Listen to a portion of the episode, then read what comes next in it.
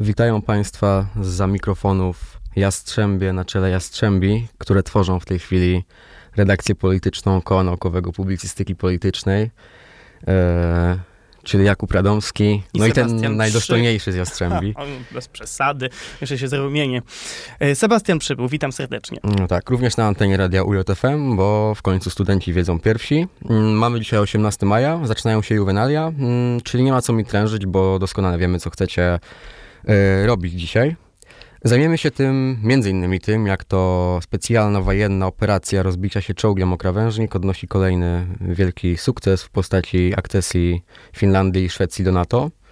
E, może zdążymy porozmawiać również o reformach e, w Unii Europejskiej. Może. Może zdążymy, bo może będą te reformy. Tutaj hipotetycznie możemy porozmawiać o kierunkach, w jakich mogłaby ta polityka europejska pójść. No a rozpoczniemy briefem e, z całego tygodnia, który minął od ostatniej redakcji. Mm, No i zaczniemy sobie może taką pozytywną informacją, żeby się wprowadzić w dobry stan. E, 16 maja e, of- To może tak y, trochę tak klasycznie. 16 maja skończyła się w Polsce epidemia koronawirusa. Tak, ale w gruncie rzeczy mało się zmienia w sensie prawnym. E, Rozporządzeniem zawsze można ten stan e, epidemii przywrócić. Mamy też stan zagrożenia epidemicznego teraz oficjalnie i to są stany, które się dość pokrywają, jeśli chodzi o te mm, rozwiązania prawne w kwestii prawa pracy. Także no, e, o tym wspominamy raczej, żeby dodać takiego Dla kronikarskiego obowiązku. kronikarski obowiązek i taki powiew nadziei, że może nie wrócimy już do tego stanu epidemii, przynajmniej do następnego wirusa, który wyjrzy gdzieś. No to ja w takim razie równie pozytywnie może, może pozytywnie, bo to jeszcze nie jest pewne, ale Rzecznik rządu Piotr Müller e, podczas dzisiejszego briefingu prasowego przyznał, że środki z KPO dla Polski pozostaną odblokowa- zostaną odblokowane po tym, jak prezydencka ustawa likwidująca Izbę Dyscyplinarną Sądu Najwyższego zostanie przyjęta. E, I na razie z tego, co wynika z mm, przekazów naszego ulubionego y, wicemarszałka Ryszarda Terleckiego, e, ponoć są panowie dogadani. Więc możemy się spodziewać, że taka ustawa zostanie przyjęta. Jeszcze nie wiemy w jakim formacie, ale być może prawdopodobnie zostanie przyjęta. Rzecznik rządu przyznał, że jeśli nowelizacja zostanie y, jeszcze w czerwcu przegłosowana, to we wrześniu Polska powinna spodziewać się pierwszych wypłat środków pochodzących z Krajowego Planu Odbudowy, którego suma sięga aż 30 miliardów euro co dla porównania e, stanowi niemal 40% e, sumy, którą uzyskujemy z Funduszu Polityki Spójności na lata 2021-2027, która opiewa na 76 miliardów e, euro. To wynika, y, ta, te, ten warunek przegłosowania tej ustawy, y, nowelizacji ustawy o Sądzie Najwyższym wynika z warunków, które pod koniec października zeszłego roku e, postawiła przewodnicząca Komisji Europejskiej e, Ursula von der Leyen, e, która stwierdziła, że KPO zostanie uruchomione dopiero wtedy, kiedy rząd zlikwiduje e, Izbę Dyscyplinarną, która nie, nie jest zgodna z zasadami praworządności stosowanymi w Unii Europejskiej.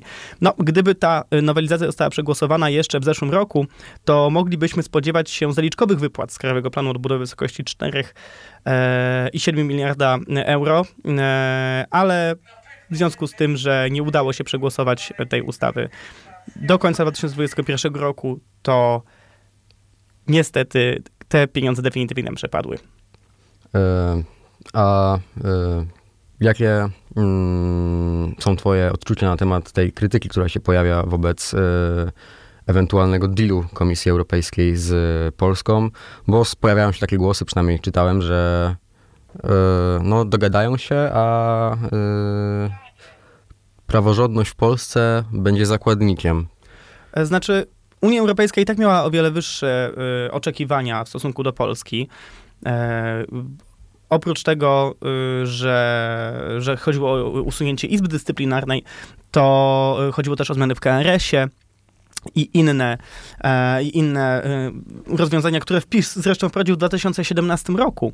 E, aczkolwiek e, widać po tym, że e, Unia Europejska obniżyła swoje oczekiwania, ograniczyła się tylko do Izby Dyscyplinarnej, sprawia, że e, nie jest ta Unia taka straszna, jak rząd ją maluje, że, Pola, że nie zależy jej e, rzekomo na tym, żeby tych pieniędzy Polska nie otrzymała. Bo gdyby zależało Unii Europejskiej, żeby Polska tych pieniędzy nie otrzymała, to w dalszym ciągu e, stawiałaby jak najwyższe warunki stronie polskiej tymczasem obniżyła te warunki. Więc wydaje mi się, że e, w pierwszej kolejności, e, jeżeli nasz rząd jest na tyle mm, przekonany o słuszności swoich rozwiązań e, w wymiarze sądownictwa, to Unia powinna być tutaj mądrzejsza, cytując klasyka, nie powiem kto ten głupszy, i po prostu odpuścić trochę odpuścić trochę i najważniejsze jest to, żeby Polska jednak dostała pieniądze, bo to, że jakby Polska pieniędzy tych nie dostała, nie wpływałoby wyłącznie na, e, na sam rząd, ale wpływałoby przede wszystkim na obywateli. I to obywatele byliby zakładnikiem, gdyby te pieniądze nie były wypłacone. Więc mam nadzieję, że te pieniądze koniec końców, tak jak rzecznik rządu Piotr Müller stwierdził, z końcem września albo gdzieś tam w połowie września będą wypłacone. Tak, dodajmy może jeszcze na koniec e, tego wątku, że to prawdopodobnie, jeśli chodzi o ten Fundusz Spójności, Fundusz Europejski, to jeden chyba ostatni, który, w którym Polska jest tak hojnie obdarzona od następnych raczej. E... Znaczy, y, tu mylisz e, Fundusz Spójności z e, Krajowym Planem Odbudowy. Krajowy Plan Odbudowy wynika z pandemii, a Fundusz Spójności to są cykliczne, cykliczne e, budżety Unii Europejskiej, które są nam przekazywane począwszy od 2007 roku. Rzeczywiście, wspomniałeś o Funduszu Spójności tak. i chciałem dodać ten fakt, ale trochę I się... ten spójności, tak jak mówię, 76 miliardów, tak jak mówiłem wcześniej, to jest ten faktycznie największy, którego możemy się już y, w przyszłej perspektywie 2028-2035 już nie spodziewać takiego wysokiego, ponieważ no, ta spójność względnie zostanie już prawdopodobnie z założeń Unii Europejskiej osiągnięta. No ale to dopiero się okaże. Mam nadzieję, że ten plan, e, krajowy plan odbudowy, m, który m, czeka na akceptację strony Unii Europejskiej, jeszcze zwiększy szanse na to, żeby Polska była bardziej spójna z resztą e, lepiej rozwiniętej Unii Europejskiej. E, tak, no i idąc dalej, e, wydarzenia ze świata, e, z polityki europejskiej, nowa premierka Francji została, lub premier Francji, jak kto woli, nominowana. Prawicowy Erik Zemmour powiedział, że on słowa premierka używać nie będzie, bo w języku chodzi przede wszystkim o to, żeby był piękny, a to słowo mu się nie podoba. Natomiast ona swoją nominację zadedykowała małym dziewczynkom, żeby spełniały swoje marzenia. I mm, jest drugą kobietą na tym stanowisku, a pierwszą od, e, od około 30 lat. E, z wykształcenia inżynierka. E, szefowała francuskim metrem, kolejami. Była minister pracy, proszę państwa, pani Elizabeth Borne lub Born lub Borne. Niestety. znaczy, nie wiem, czy tam jest akcent na końcu. Jeżeli jest akcent, to Borne. Nie ma. Jeżeli nie ma, to Born. prędzej Born. Chociaż ja z francuskiego noga trochę. No i przeprowadzała jako ten minister pracy lub ministra pracy e, reformę e, ubezpieczeń dla bezrobotnych, wynagrodzeń dla bezrobotnych, ubezpieczenia od bezrobocia. Tak to się ładnie nazywa. E, czyli reformę trudną, a teraz ma żerować kolejnej trudnej reformie, czyli reformie wydłużającej wiek emerytalny. No i e, przez wiele środowisk, mimo że wywodzi się raczej z tego lewego skrzydła e, francuskiej sceny politycznej, no to jest też uważana za jedyną lewicową polityczkę, która e, popiera e, wydłużenie wieku emerytalnego i przez wiele środowisk, e, przez partie lewicowe oraz takie prawicowo-populistyczne, byśmy powiedzieli, tutaj Marine Le Pen się bardzo o nich krytycznie wypowiada, że jest taką technokratką bez wyczucia, bez wrażliwości społecznej i że mm, Czyli klasyczny generalnie spór, który mogliśmy obserwować we Francji ostatnio już zarzucały środowiska lewicowe, jak i środowiska prawicowe e, Emmanuelowi Macronowi, Emmanuelowi Macronowi podczas kampanii właśnie, że jest takim wyzutem z uczuć i emocji liberałem, a oni reprezentują wolę narodu, tą bardziej uciśnioną, w zależności od różnych uciśnień, to Marie Le Pen jedną stronę,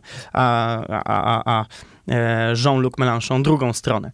E, być może to takie bardziej lewicowe skrzydło, z którego pochodzi, e, pochodzi e, pani premier, która teraz będzie wprowadzała swój urząd, jest trochę puszczeniem oka do Jean-Luc Mélenchona i do jego partii, która góruje teraz w sondażach, może nie, nie wygrywa, ale, ale jest dosyć wysoko jak na siebie, w nadchodzących wyborach parlamentarnych, które w czerwcu już we Francji będą miały miejsce.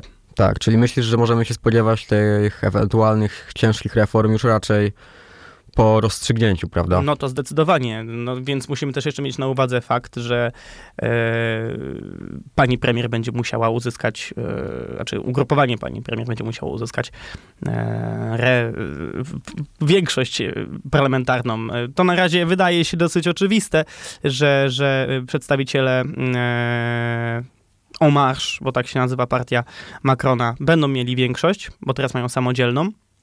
No ale oczywiście nic nie można wykluczyć, taka jest demokracja.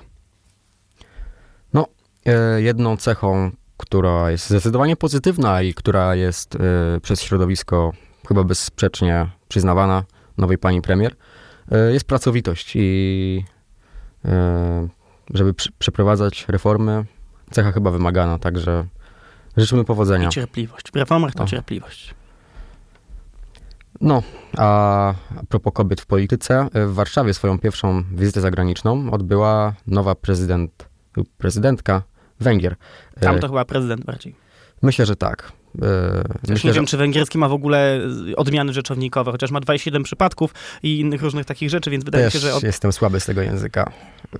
Jestem w stanie przeczytać na to nazwę partii, z której się wywodzi. Fidesz. E, w sposób poprawny. Fidesz. Bo S to S, a S to S. Czyli Fidesz. Czyli Fidesz. Tam jest fi Fidesz się pisze, czy Fidesz? Pisze się Fidesz, więc No Fidesz. to Fidesz, no to faktycznie, to masz rację, e, przepraszam. E, tak łaci z łaciny zresztą. E, no właśnie, ponieważ wywodzi się z partii Fidesz, czyli partii premiera Viktora Orbana, no to nie należy się spodziewać specjalnych e, wolt w, w polityce Węgier. Po pierwsze również dlatego, że jest wyjątkowo lojalną członkinią partii. Była e, wiceprezes partii? Tak, odwołana z tego stanowiska e, jakiś czas temu. No chyba po to właśnie. E, niekoniecznie, bo pierwszym kandydatem na prezydenta miał być e, bodajże e, szef Izby Parlamentu, szef parlamentu, mhm. ale nie chciał tej funkcji przejąć, no i e, wzięli ją tak z, z, drugiego miejsca. Więc nawet nie była pierwszym wyborem, a na dodatek rola prezydenta na Węgrzech jest praktycznie znikoma. Dodajmy też, że e, również w kwestii legitymacji społecznej, chociaż trudno odmawiać legitymacji społecznej Fideszowi na Węgrzech, no to jednak e, prezydent sam w sobie jest wybierany przez parlament.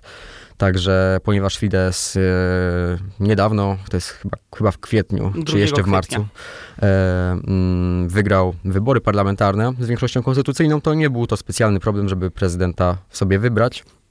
E, no, jak zresztą mówi nowa prezydent, my kobiety chcemy pokoju, a wojnę zostawcie mężczyznom. Także y, chyba nie ma specjalnych ambicji ani politycznych, ani ani politycznych w sensie partyjnym, ani takich politycznych w sensie przedstawiania specjalnej wizji. E. Znaczy ona została wybrana na urząd prezydenta Węgier z uwagi na to, żeby ocieplać wizerunek e, Węgier na arenie międzynarodowej, no bo taka jest generalnie e, rola prezydenta, żeby reprezentować gdzieś tam tak donieś, donieślej, donioślej na, na zewnątrz.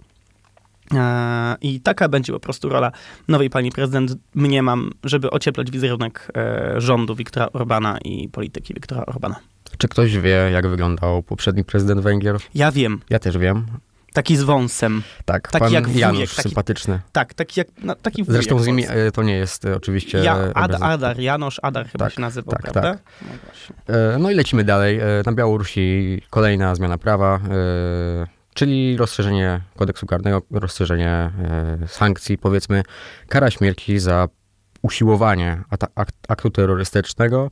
Oczywiście y, ten y, i tą ustawę, nowelizację dajmy trochę w cudzysłowie, bo y, trudno mówić, mimo wszystkich jej wad, miejmy jednak troszeczkę szacunku do prawdziwej demokracji parlamentarnej, a nie totalitaryzującej się Białorusi.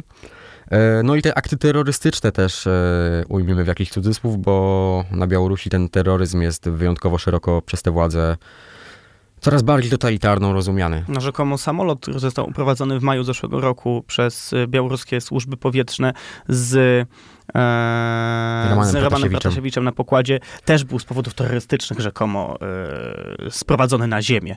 Więc no możemy tym terrorystą rzekomo był Roman Pratasiewicz oczywiście, więc możemy się domyślać, co, czym jest terroryzm e, dla niektórych, w niektórych przypadkach dla władz białoruskich obecnych. No jest to pojęcie szerokie jak Pacyfik, jeśli chodzi o rozumienie e, Białoru władz białoruskich.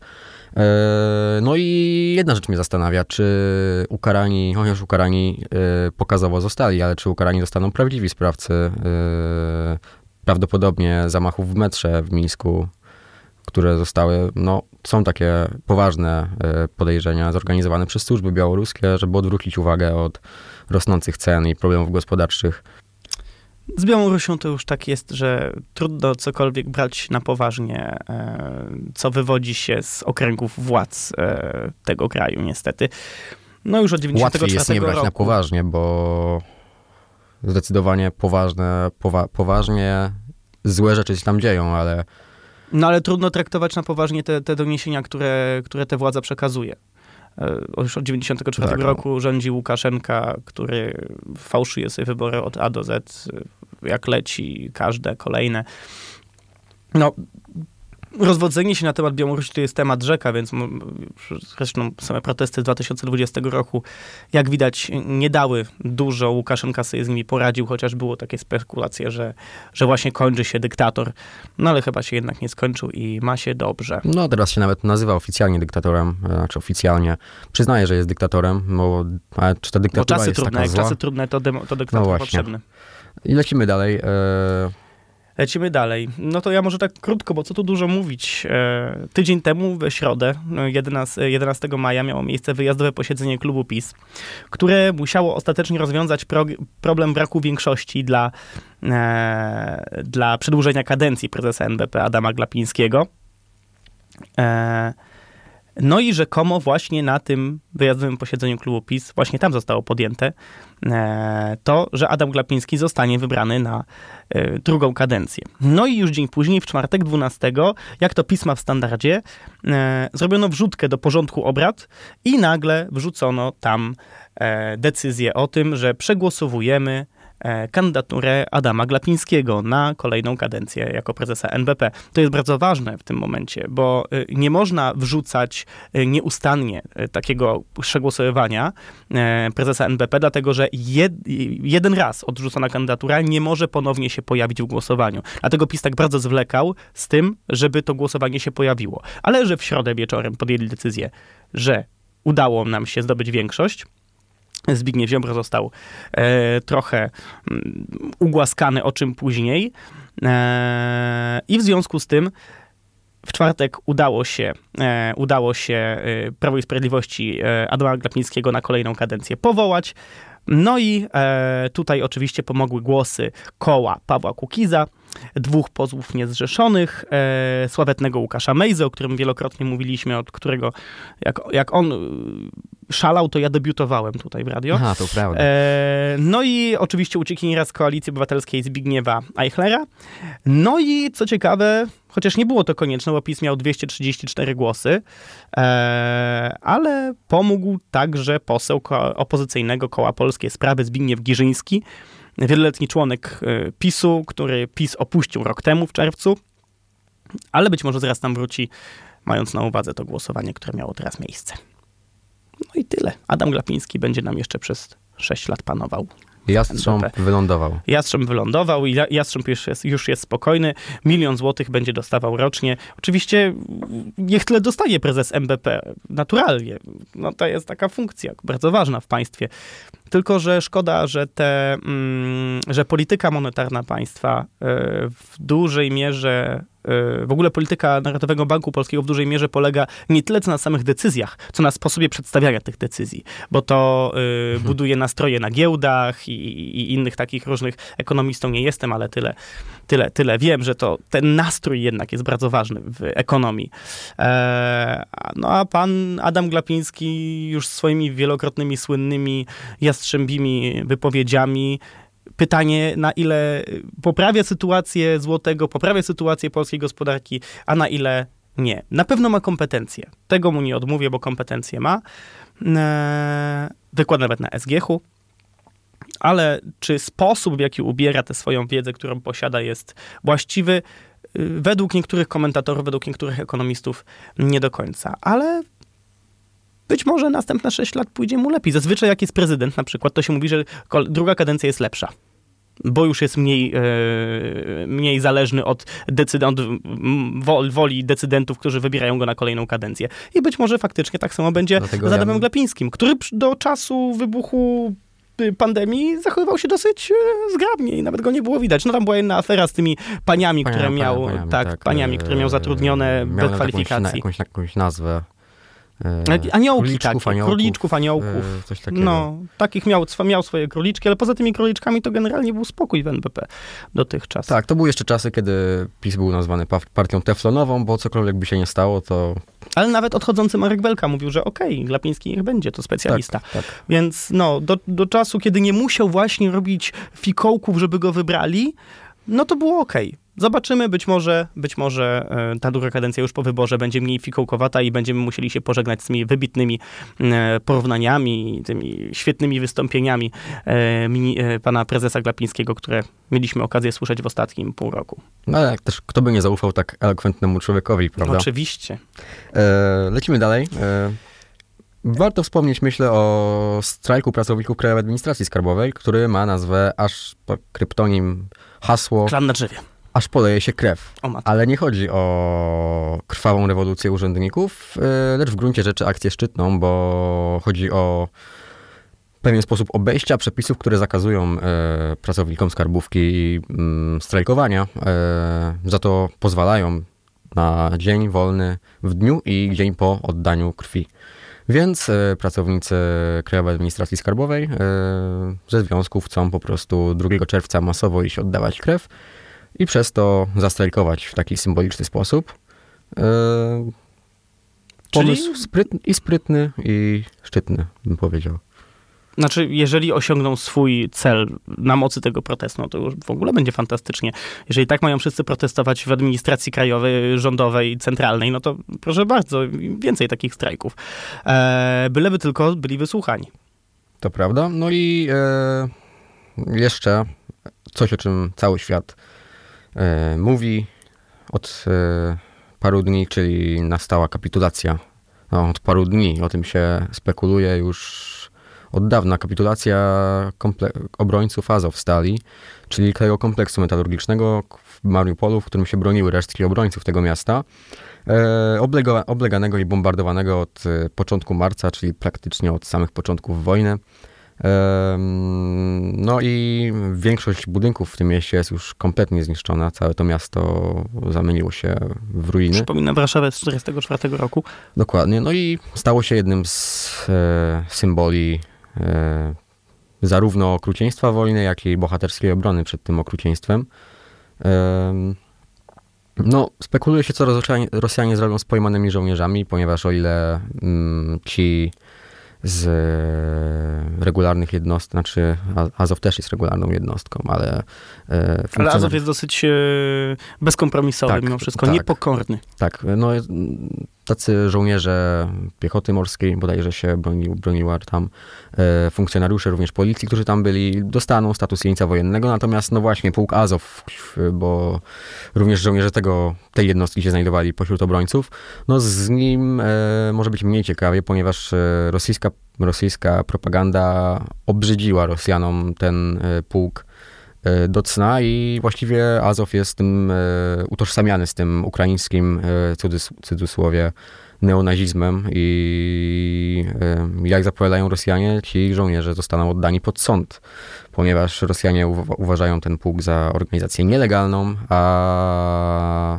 chyba nieprawnie jeszcze, ale właściwie terrorystyczną. Możemy spodziewać się poddania ich pod pluton egzekucyjny prawdopodobnie.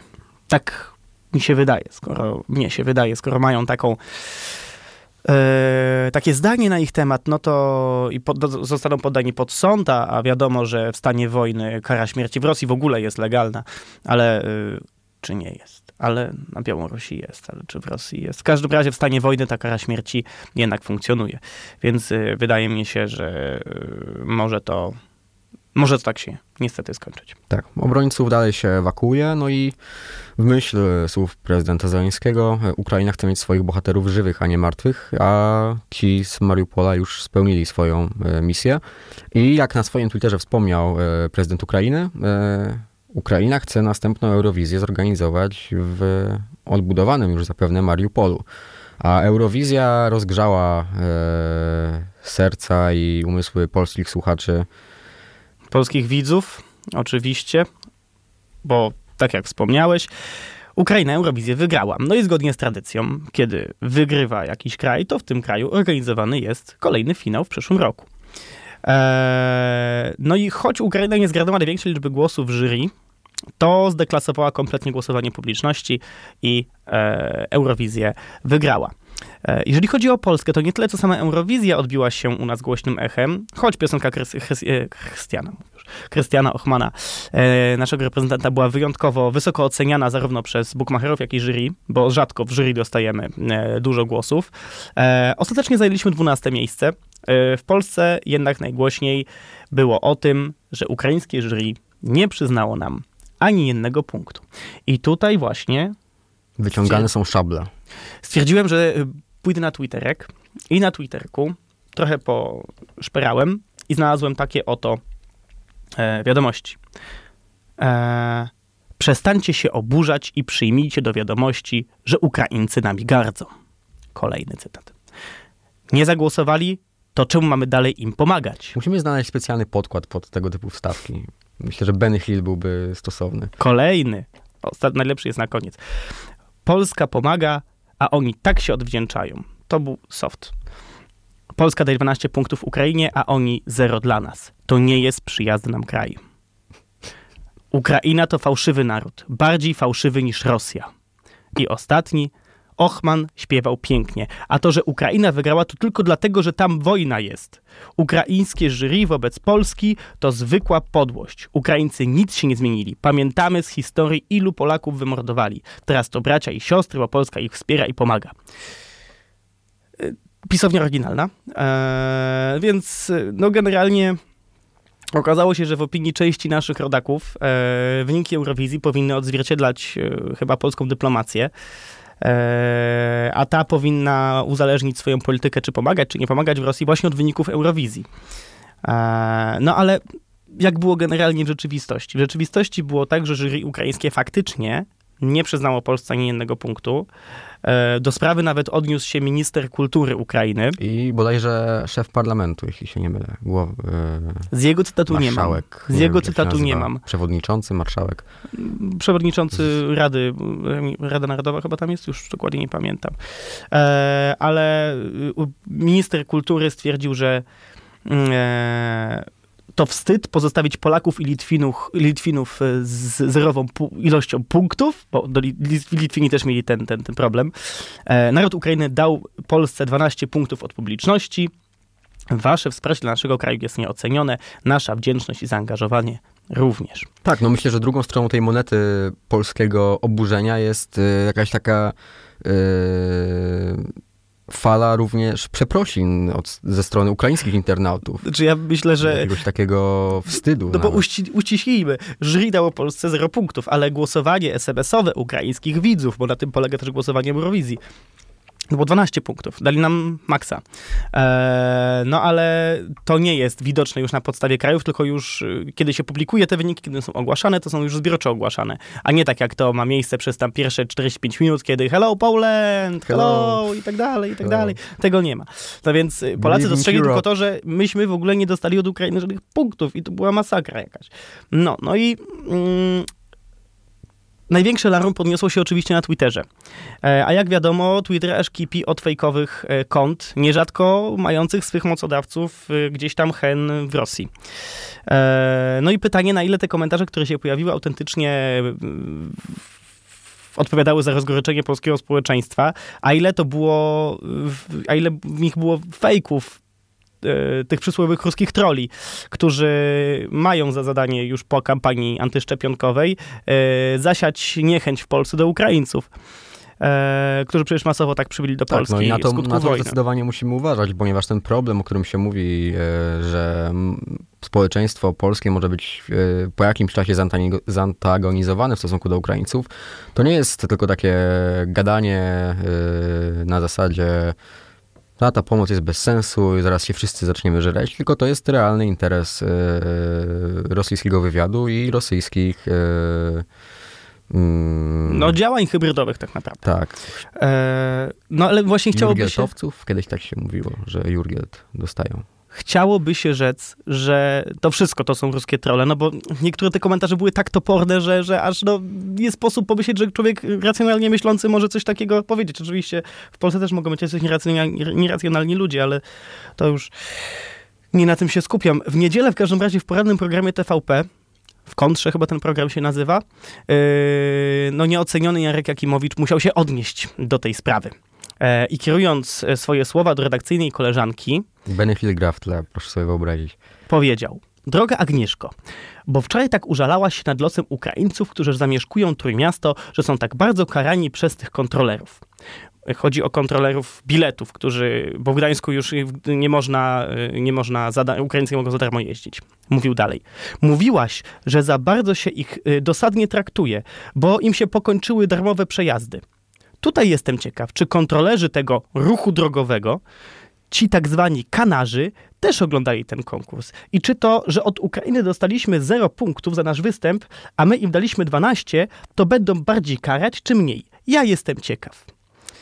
No i generalnie po tych słowach członek Rady Mediów Narodowych z ramienia opozycji, były prezes TVP Juliusz Braun, prywatnie wujek Grzegorza Brauna, za tę wypowiedź zgłosił skargę na Jakimowicza do Krajowej Rady Radiofonii i Telewizji. Jaki będzie skutek, no to musimy obserwować. No ale generalnie mamy takie kwiatki w telewizji rządowej. E, Potem była trochę inna narracja, bo potem e, jednak mówili w TVP, że e, nie, nie, nie, my od Ukraińców dostaliśmy 12 punktów, a potem z kolei mówili, a Niemcy dostali 0 i się cieszyli z tego powodu. e, Że Niemcy Że dostali. Niemcy dostali 0, no z czego Polak się, z czego Polak się najbardziej cieszy, jak sąsiad ma gorzej? No pewnie, że, że z tego najbardziej się cieszymy. No więc tym eurowizyjnym akcentem e, kończymy naszego briefa. Zapraszamy na krótką przerwę muzyczną, żeby Państwa uszy odpoczęły od e, informacji męczących. No nie, nie wszystkie są takie męczące.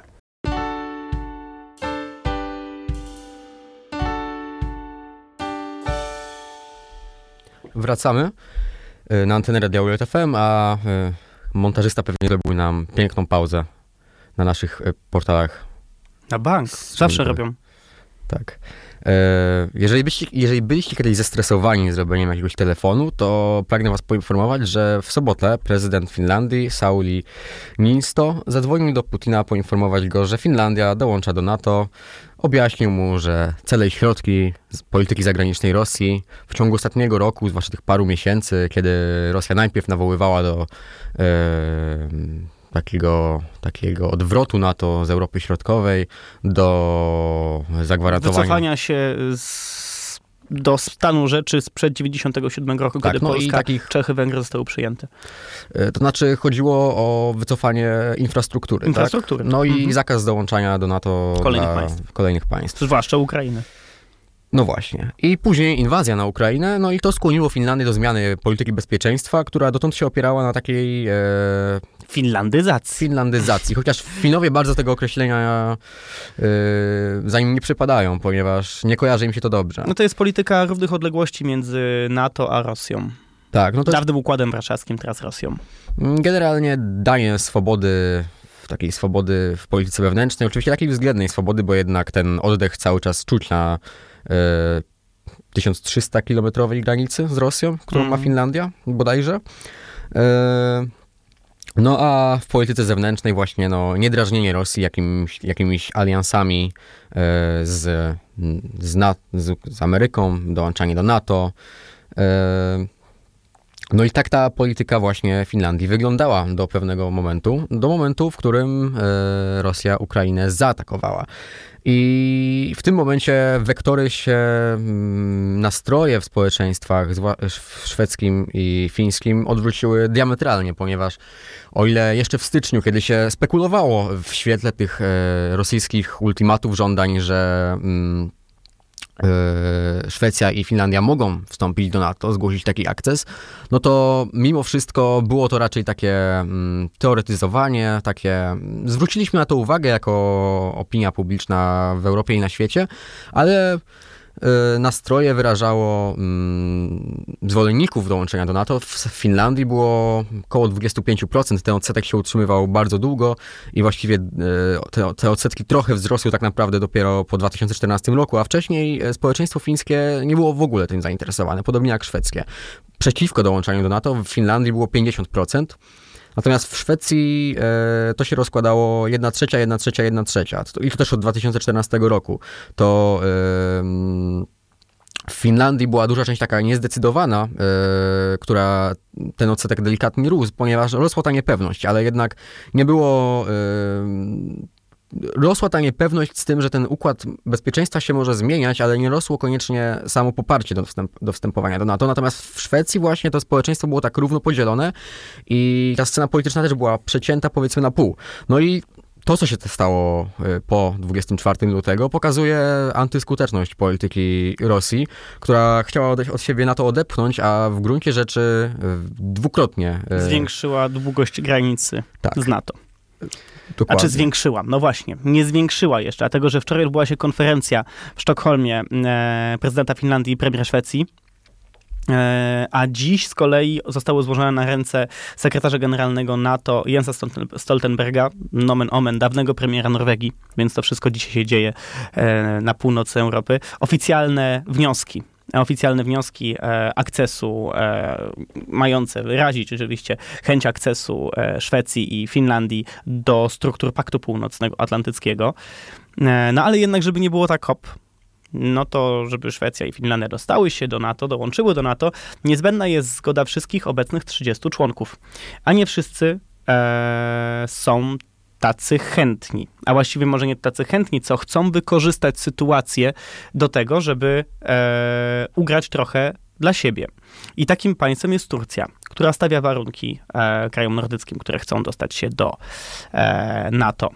E, Ankara przede wszystkim, przede wszystkim zarzuca Szwecji i Finlandii, że w tych krajach schronienie znalazły osoby, które są powiązane z organizacjami kurdyjskimi, uważanych w Turcji za mm, terrorystyczne.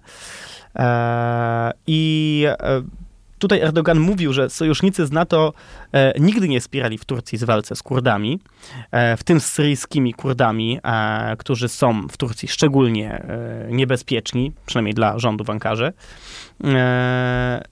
Jak powiedział prezydent Erdogan, rozszerzenie NATO jest dla nas znaczące tylko na tyle, na ile ukazany zostanie szacunek dla naszej wrażliwości. W związku z tym e, prezydent e, zwrócił się z e, oficjalnym stanowiskiem do Finlandii i Szwecji, aby wydały, e, wydały 33 obywateli Turcji, którzy e, znaleźli schronienie w Finlandii i Szwecji. Ci obywatele są oczywiście Kurdami, którzy e, z perspektywy tureckiej są e, terrorystami. E, Erdogan mówił też, że Turcja sprzeciwia się wnioskom o członkostwo w NATO krajów, które nałożyły sankcje na Ankarę, bo Szwecja i Finlandia nałożyły sankcje. Nie były ani związane unijnie, ani nie były związane natowsko z Turcją, więc miały bardziej swobodną politykę względem Turcji niż inne kraje, e, kraje Unii Europejskiej. E, I to przede wszystkim, e, moim zdaniem, e, polega na tym, to stanowisko Turcji przede wszystkim polega na tym, że nie jest ostateczne i absolutne. To stanowisko Turcji obecnie nie przekreśla szans Szwecji i Finlandii na to, żeby y, mogły stanąć, stać się członkami y, NATO. Moim zdaniem, jeśli spełnią y, warunki Erdogana, to prawdopodobnie wyrazi on akcesję do obu państw. Pytanie jednak, czy te państwa się zgodzą wydać tych obywateli, albo przynajmniej jakoś tych najbardziej niebezpiecznych z perspektywy Turcji. Turcja robi to przede wszystkim dlatego, że w Turcji zbliżają się wybory prezydenckie, e, a, a pozycja Erdogana nie jest na tyle dominująca e, w polityce wewnętrznej, aby miał on zapewnioną kolejną kadencję. E, dlatego musi grać trochę na tę nutę suwerennościową i podmiotową na arenie międzynarodowej, aby podbić swoje notowania i przedstawić siebie jako obrońcę tureckich interesów narodowych. E, więc jeśli e, Szwecja i Finlandia chcą faktycznie stać się członkami NATO, e, moim zdaniem muszą się liczyć z uwzględnieniem tych tureckich postulatów. A to jest generalnie tradycyjna polityka turecka, która, którą pamiętamy z czasów kryzysu migracyjnego. Ankara potrafi wykorzystywać takie kryzysy w Europie na to, żeby ugrać coś dla siebie. E, wstrzymując migrantów, e, dostała 3 miliardy euro dofinansowania od Unii Europejskiej, Turcja. W związku z tym e, myślę, że tutaj też będzie chciała wykorzystać tę sytuację akcesyjną do tego, żeby coś ugrać dla siebie i przy okazji podbić notowania. Tak, i wracając do y, tego kontekstu y, nordyckiego, no to mm, całkiem spokojna jest reakcja w ogóle Rosji na to, że te państwa tak oficjalnie poinformowały, y, że do, chcą dołączyć do NATO. Mm, co poza tymi y, wzmiankami o tureckimi wątkami i również y, przez jakiś czas e, był taki sprzeciw werbalny mm, w Chorwacji E, nie wiem, co się teraz z nim dzieje, ale nie był on dość traktowany specjalnie poważnie. E, no to Rosjanie zareagowali spokojnie. No i wydaje mi się, że e, to pokazuje dwie rzeczy. Po pierwsze, nie mają specjalnie środków, ponieważ oni, jak tylko pojawiły się wzmianki o tym, że Szwecja i Finlandia mają takie ambicje, no to w gruncie rzeczy od razu były pogróżki, e, że umieścimy tu i tam broń nuklearną. Pamiętajmy, że Rosja jest mocarstwem nuklearnym. Natomiast teraz ewidentnie ten argument, kiedy zorientowali się, że ten argument niespecjalnie działa i to tylko yy, pogarszają swoją sytuację w ten sposób, no to zareagowali z takim zrozumieniem. Ławrow yy, powiedział, że w sumie to ta dwa razy dłuższa granica to niewiele zmienia. Czyli trzeba zrobić fikołka i uznać, że my jesteśmy tak silni i jesteśmy już i tak, tak zaszczuki przez to na to, że co nam zmienia taka Finlandia? A Finlandia i Szwecja mogą całkiem dużo zmienić, ponieważ oba te kraje yy, przez... Yy, swoją e, neutralność i taką politykę, powiedzmy, izolacjonistyczną, nie, nie izolacjonistyczną, ponieważ to akurat w relacje międzynarodowe wchodziły chętnie i angażowały się. Neutralno-militarnie. Tak, Neutralno-militarnie, tak. E, chociaż no właśnie te powiązania za to były bardzo silne i te armie są właściwie natowskie. E, w tym sensie, że są bardzo dobrze zintegrowane sprzętowo i jeśli chodzi o dowództwo. E, obecnie e, trwają, trwają ćwiczenia wojskowe z udziałem armii amerykańskiej i szwedzcy saperzy przerzucili most przez Wisłę a amerykańskie Abramsy wjechały przez ten most na, na wschodni brzeg Wisły. Także te państwa o ich przyjęciu mówi się w perspektywie paru miesięcy e, do, przyszłe, do przyszłego roku. Z końcem tego roku, początkiem przyszłego I, roku. Ich potencjał militarny jest po pierwsze duży, ponieważ to jest bardzo silna artyleria, bardzo silna armia, mimo że liczebność może nie jest tak duża, to jednak mają bardzo duże takie rozwinięcie mobilizacyjne. E, są w stanie bardzo wielu e, ludzi zmobilizować, mają dobrze wyszkolone rezerwy.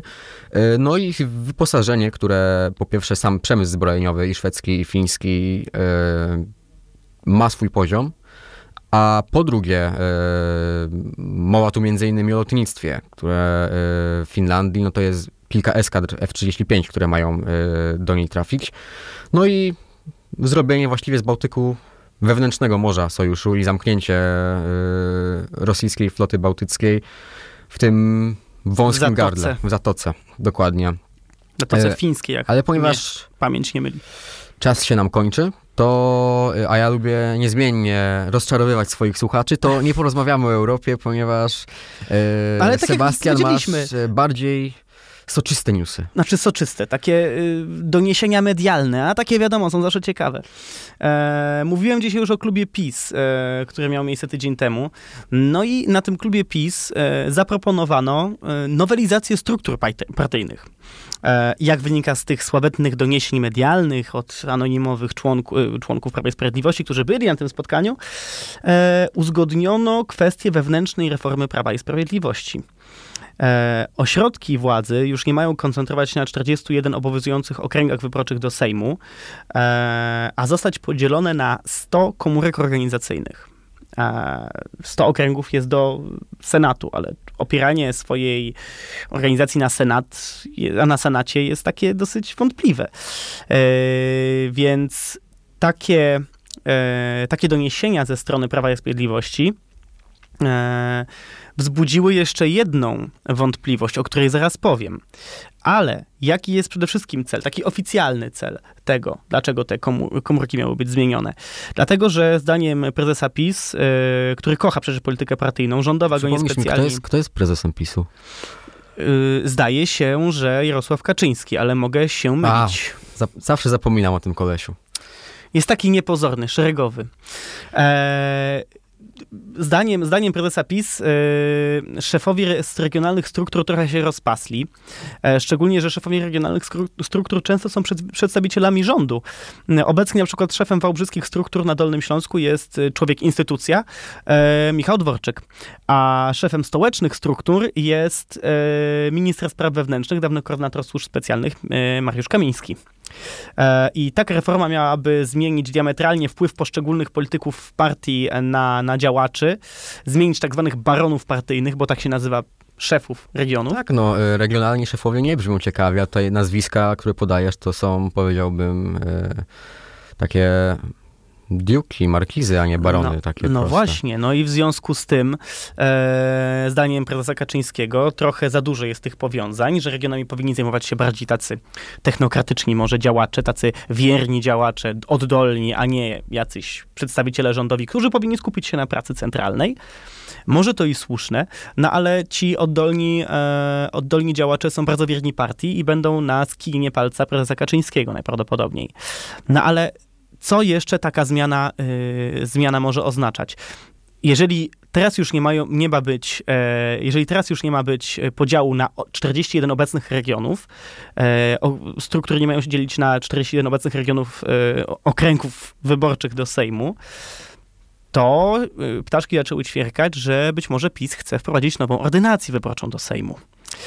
E, I ten dotychczasowy podział na okręgi to praktycznie klasyczny podział, na które partie y, tradycyjnie się dzielą. E, najłatwiej w taki sposób y, organizować działanie partii na poszczególne okręgi wyborcze. E, no ale wiele źródeł donosi, że e, PiS chciałoby zapewnić, e, zmienić ordynację w ten sposób, aby zapewnić sobie większe szanse na zwycięstwo. No generalnie taka gra, gra okręgami jest stara jak demokracja. W Stanach Zjednoczonych, najstarszej demokracji świata, taka gra okręgami jest bardzo częsta. Zmienia się granice tak, żeby, żeby było jak najlepiej dla obecnej opcji rządzącej. No ta demokracja najstarsza ma wiele zmarszczek, musimy sobie powiedzieć. No i ta zmarszczka jest na przykład typowa dla Stanów Zjednoczonych, gdzie u nas na przykład bardzo rzadko się majstruje przy okręgach wyborczych. To zrobił na przykład e, Viktor Orban i dzisiaj ma co ma. Większość konstytucyjną, o czym już dzisiaj też mówiliśmy. No ale tak mówiąc bardzo w wielkim skrócie i wielkim uproszczeniu, e, dzisiejszy system wygląda mniej więcej tak, dzisiejsza ordynacja wygląda mniej więcej tak, że Województwo pomorskie na przykład, moje ukochane, podzielone jest na e, dwa okręgi, e, gdański i gdyński. E, I tak przykładowo każdy ma 10 mandatów. I partia, uzyskała 50% dostaje 5, 20, 30% 3, 20% 2, koniec. A teraz domyślnie miało być tak, że jakieś duże miasta miały być oddzielnymi y, okręgami i te wiadomo pójdą łupem PiSu. A pozostałe okręgi były bardziej wiejskie. A na wsi i w takich prowincjonalnych okręgach pisma o wiele więcej poparcia. Eee, I nawet liczebnie w takich okręgach wiejskich byłoby więcej, więcej, e, więcej wyborców niż w miejskich, a liczba mandatów do uzyskania jest zależna od ilości mieszkańców. W związku z tym w ten sposób PiS miałby sobie zapewnić większość. Eee, no ale tutaj ewentualne zmiany w ordynacji wyborczej mogą być negatywnie ocenione przez samego prezydenta, e, który e, zastopował na przykład zmiany w ordynacji PiSu w wyborach europarlamentarnych. Więc e, to są tylko takie ostrożne... On lubi tak włożyć nogę w drzwi czasami. No tak, no, ale marszałek Terlecki, nasz ukochany marszałek Terlecki powiedział, czy w ogóle dojdzie do rozmów o zmianie ordynacji, to jeszcze jest nieprzesądzone, także możemy się wszystkiego spodziewać, a z kolei minister, y, rzecznik rządu Piotr Müller powiedział, że zmiana ordynacji wyborczej nie jest łatwa, ale nie wyklucza, że jakieś zmiany mogą w niej zajść do czasu najbliższych wyborów parlamentarnych. Zobaczymy. Możecie jeszcze, drodzy słuchacze, e, śledzić e, głosowanie senackie odnośnie odwołania immunitetu e, marszałka Grodzkiego, bo chcą go, prokuratura chce go ścigać za rzekome za przyjmowanie. Koperty. Za koperty, za rzekome przyjmowanie łapówek. Więc Sebastianie, możesz zakończyć słowami Donalda Tuska, który E, który powiedział, że e, marszałek Grodzki stanie przed, stawi się przed prokuraturą, ale nie Ziobrowską, tylko niezależną. Zobaczymy, czy się stawi, zobaczymy, czy w ogóle immunitet mu uchylą. Wątpię. Tymczasem musimy się już żegnać. Niestety. E, To była redakcja polityczna Koła Naukowego Publicystyki Politycznej i drodzy słuchacze, no, życzymy udanych juwenaliów, jeśli jesteście w Krakowie. E, Jeśli nie, to udanego weekendu. Jeśli nie, to udanych juwenaliów. Na, na jakiś pewnie traficie. Miłego wieczoru, no i po studencku cześć. Cześć.